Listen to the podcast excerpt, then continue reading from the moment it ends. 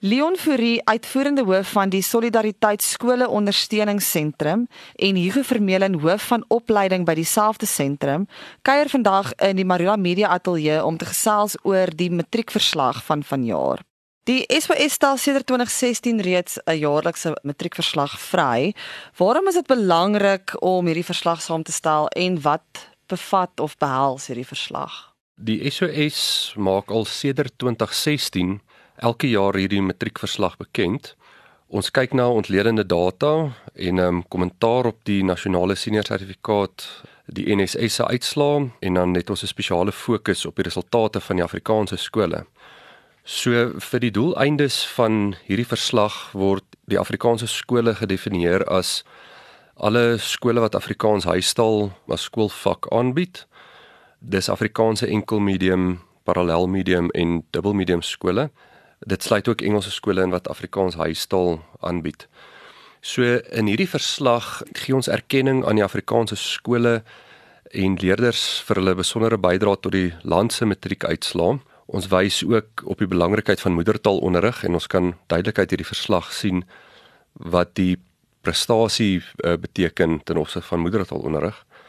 Ons ontleed ook die prestasie en tekortkominge van die totale stelsel en dan maak ons aanbevelings vir verbetering. En ons kyk krities na die gehalte van onderrig tot die mate wat ons dan uit die data kan afleidings maak.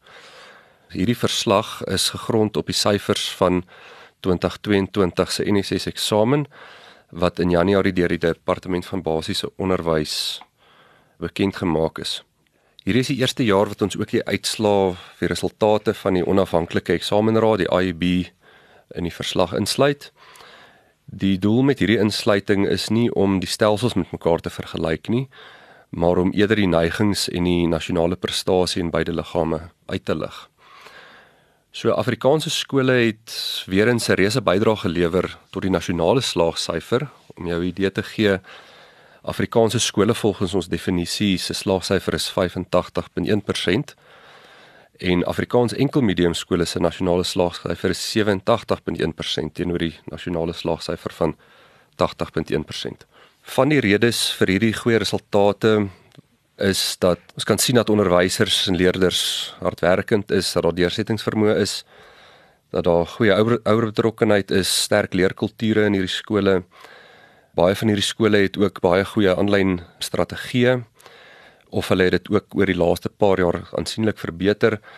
Ons is ook dankbaar dat in hierdie top 20 lyste uh, is daar 6 van die skole wat ook wolkskool gebruik waar ons baie trots is. Daar is ook uh, goeie leierskap in skole, maar dan ook wat daar baie duidelik uit die resultate te sien is, is die rol wat moedertaalonderrig speel. Dit is iets wat nie ontken kan word nie en ons ons sien dit baie duidelik hieruit. So Alhoewel 2022 grootliks uh terugkeer na normale omstandighede was in terme van die COVID pandemie, moes die matriekgroep heelwat agterstande inhaal. Hulle het ook 'n baie groter kragkrisis ervaar, uh, maar afgesien daarvan het hulle nog steeds baie goed presteer. En dan ook aan ons onderwysers wat agter die skerms werk, wat baie moeite doen met ons kinders en seker maak dat hulle hoë gehalte onderrig ontvang, wil ons ook baie dankie sê daarvoor.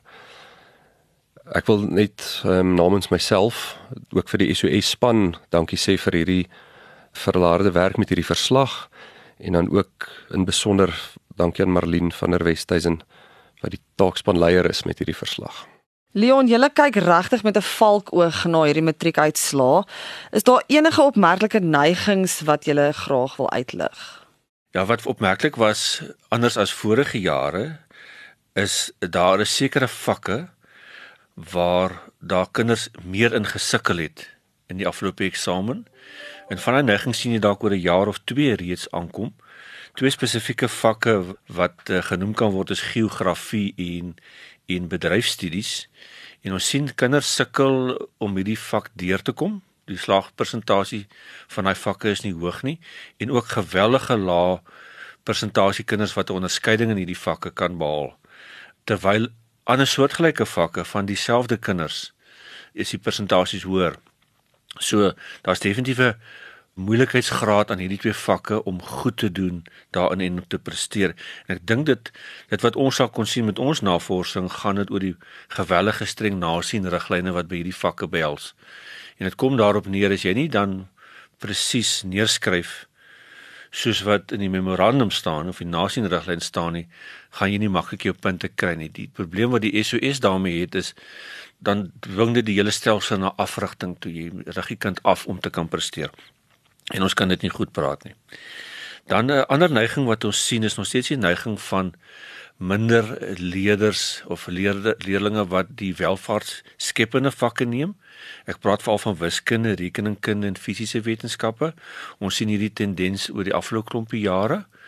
Daar was 'n bietjie meer wiskunde kinders presentasie gewys, maar ek dink dit kan toegeskryf word aan minder kinders het die moeilike tegniese wiskunde geneem en hulle het maar net teruggeskryf wiskunde toe uiters kommerwekkende neiging wat steeds voortduur.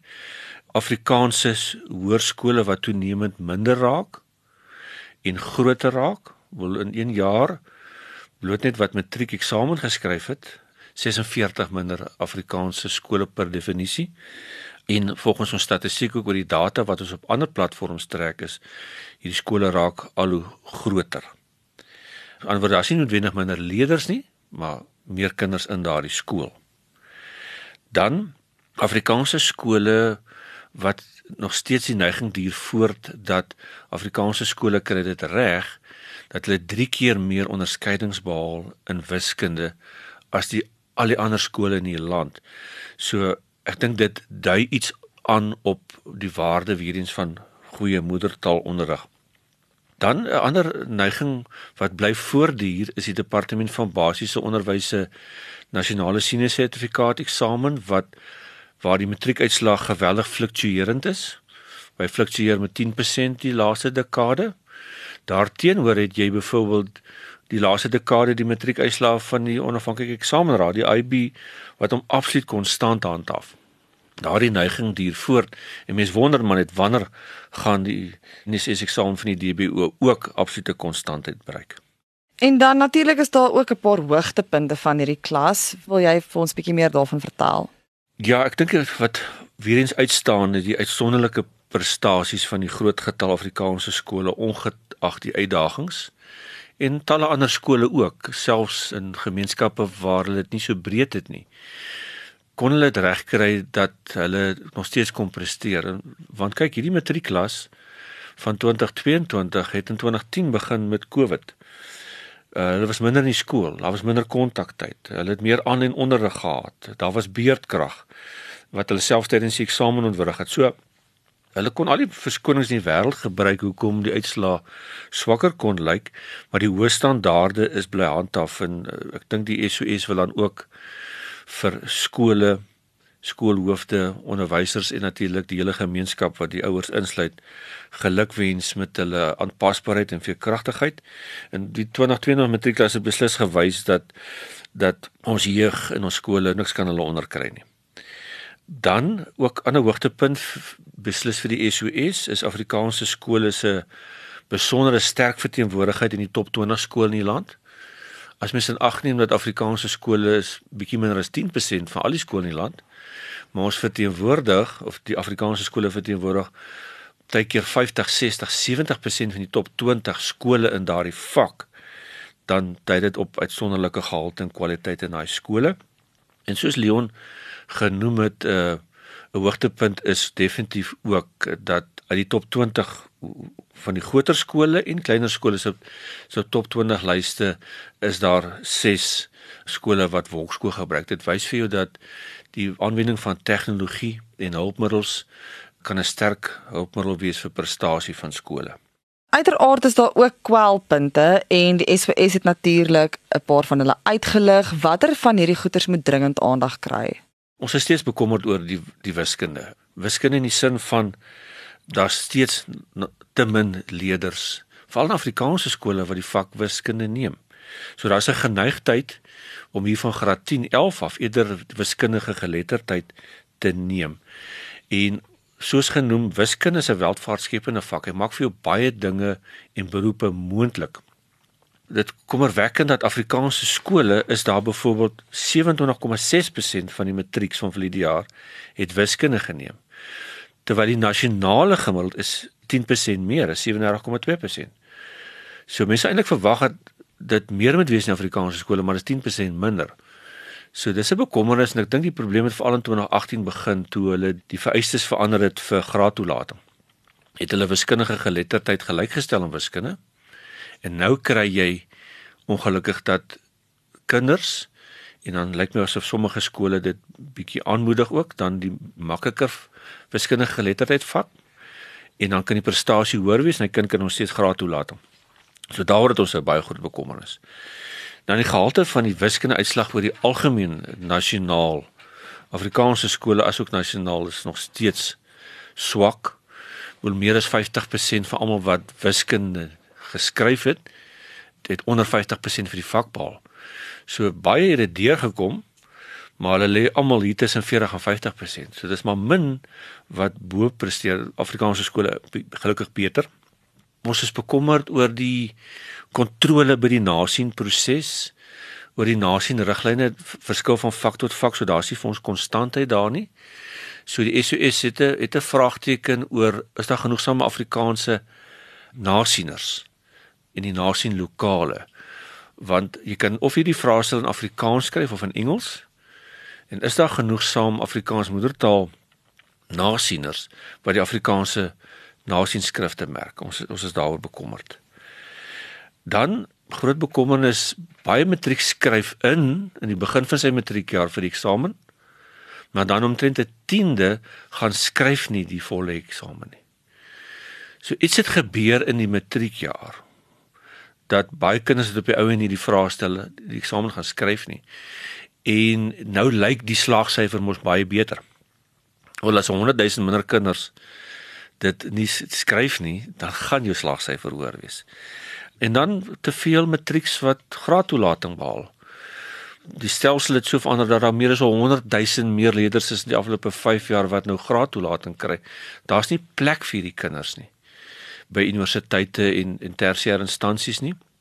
So daar word verwagting geskep plus die verwagting van studie en werk en dan gebeur dit nie ons werkloosheidsyfer neem toe. Ja, dit dui op 'n groter probleem. As ons moontlik kan net vir 'n oomblik stil staan by die swak wiskundepunte. Waar lê die wortel van daai kwaad? Ja, ek dink mense moet regtig terugkeer na die begin toe. Wil dit begin uiteraard van klein af eintlik van baie klein af. Wat mense nie verstaan nie is dat 'n kind wat meer speel in sy beginjare. Praat van 'n van 'n kleuter Peter. Tussen die ouderdom 3 tot 7, daar vorm eintlik al jou brein neuroniese bane in jou brein.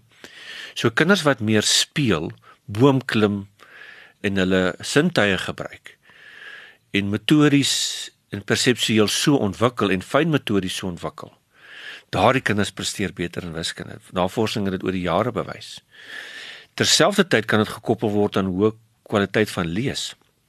So as jy die lees kwaliteit kan aanspreek en die SOS gaan hierdie jaar later 'n handleiding beskikbaar stel vir skole en ouers oor hoe vestig jy daai kwaliteit van leesstandaard. As jy daai fondasie reg aanspreek, dan gaan ons die resultate in die volgende dekade sien.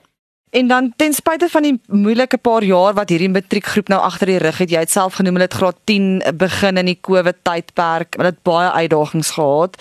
En nog steeds het hulle die beste punte van die afgelope 10 jaar behaal. Is dit geloofwaardig en waaraan kan ons hierdie goeie punte toeskryf?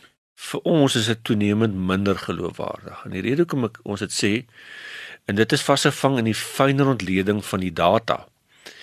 En dankbaar stel die departement van basiese onderwys al die data beskikbaar ook aan die SOS. As jy fyn daarna kan kyk, dan sien jy tendense raak. Jy sien dat sekere provinsies en dit is die provinsies wat oor die jare die swakste presteer het in matriekuitslae, hulle het merkwaardig verbeter die laaste 7 jaar. 'n Provinsie soos KwaZulu-Natal matriekslaagsyfer het met 18,2% verbeter. Ooskaap 15,1%, Limpopo 13%. En daardie provinsies het ook die meeste slaagsyfer toegeneem. Daardie provinsies het die meeste skole. So as dit as dit daar beter lyk, dan gaan die nasionale uitslag beter lyk. En dan lyk dit uiteraard baie goed vir die vir die politici. So dit is duidelik 'n groot bekommernis. 'n Ander data statistiek wat ons raak gesien het is 'n snelle skerp toename van 2021 na 2022 van die skole wat nie van tevore ten minste 80% slaagsyfer matriek kon behaal het nie, het dit nou behaal. Meer as 900 skole, meer as 2021 het 'n bo 80% slaagsyfer. Dis absoluut merkwaardig. Leonie, dis amper te goed om waar te wees. 800 van daai 933 skole sit in KwaZulu-Natal, Limpopo en die Oos-Kaap. So ons het 'n vraagteken dus oor die kontrole en die beheer veral van die jaarpunte en die nasienproses in daardie provinsies. So kan dit moontlik wees vir julle om net opsommend te sê wat die SWS vind in hierdie verslag van hierdie jaar.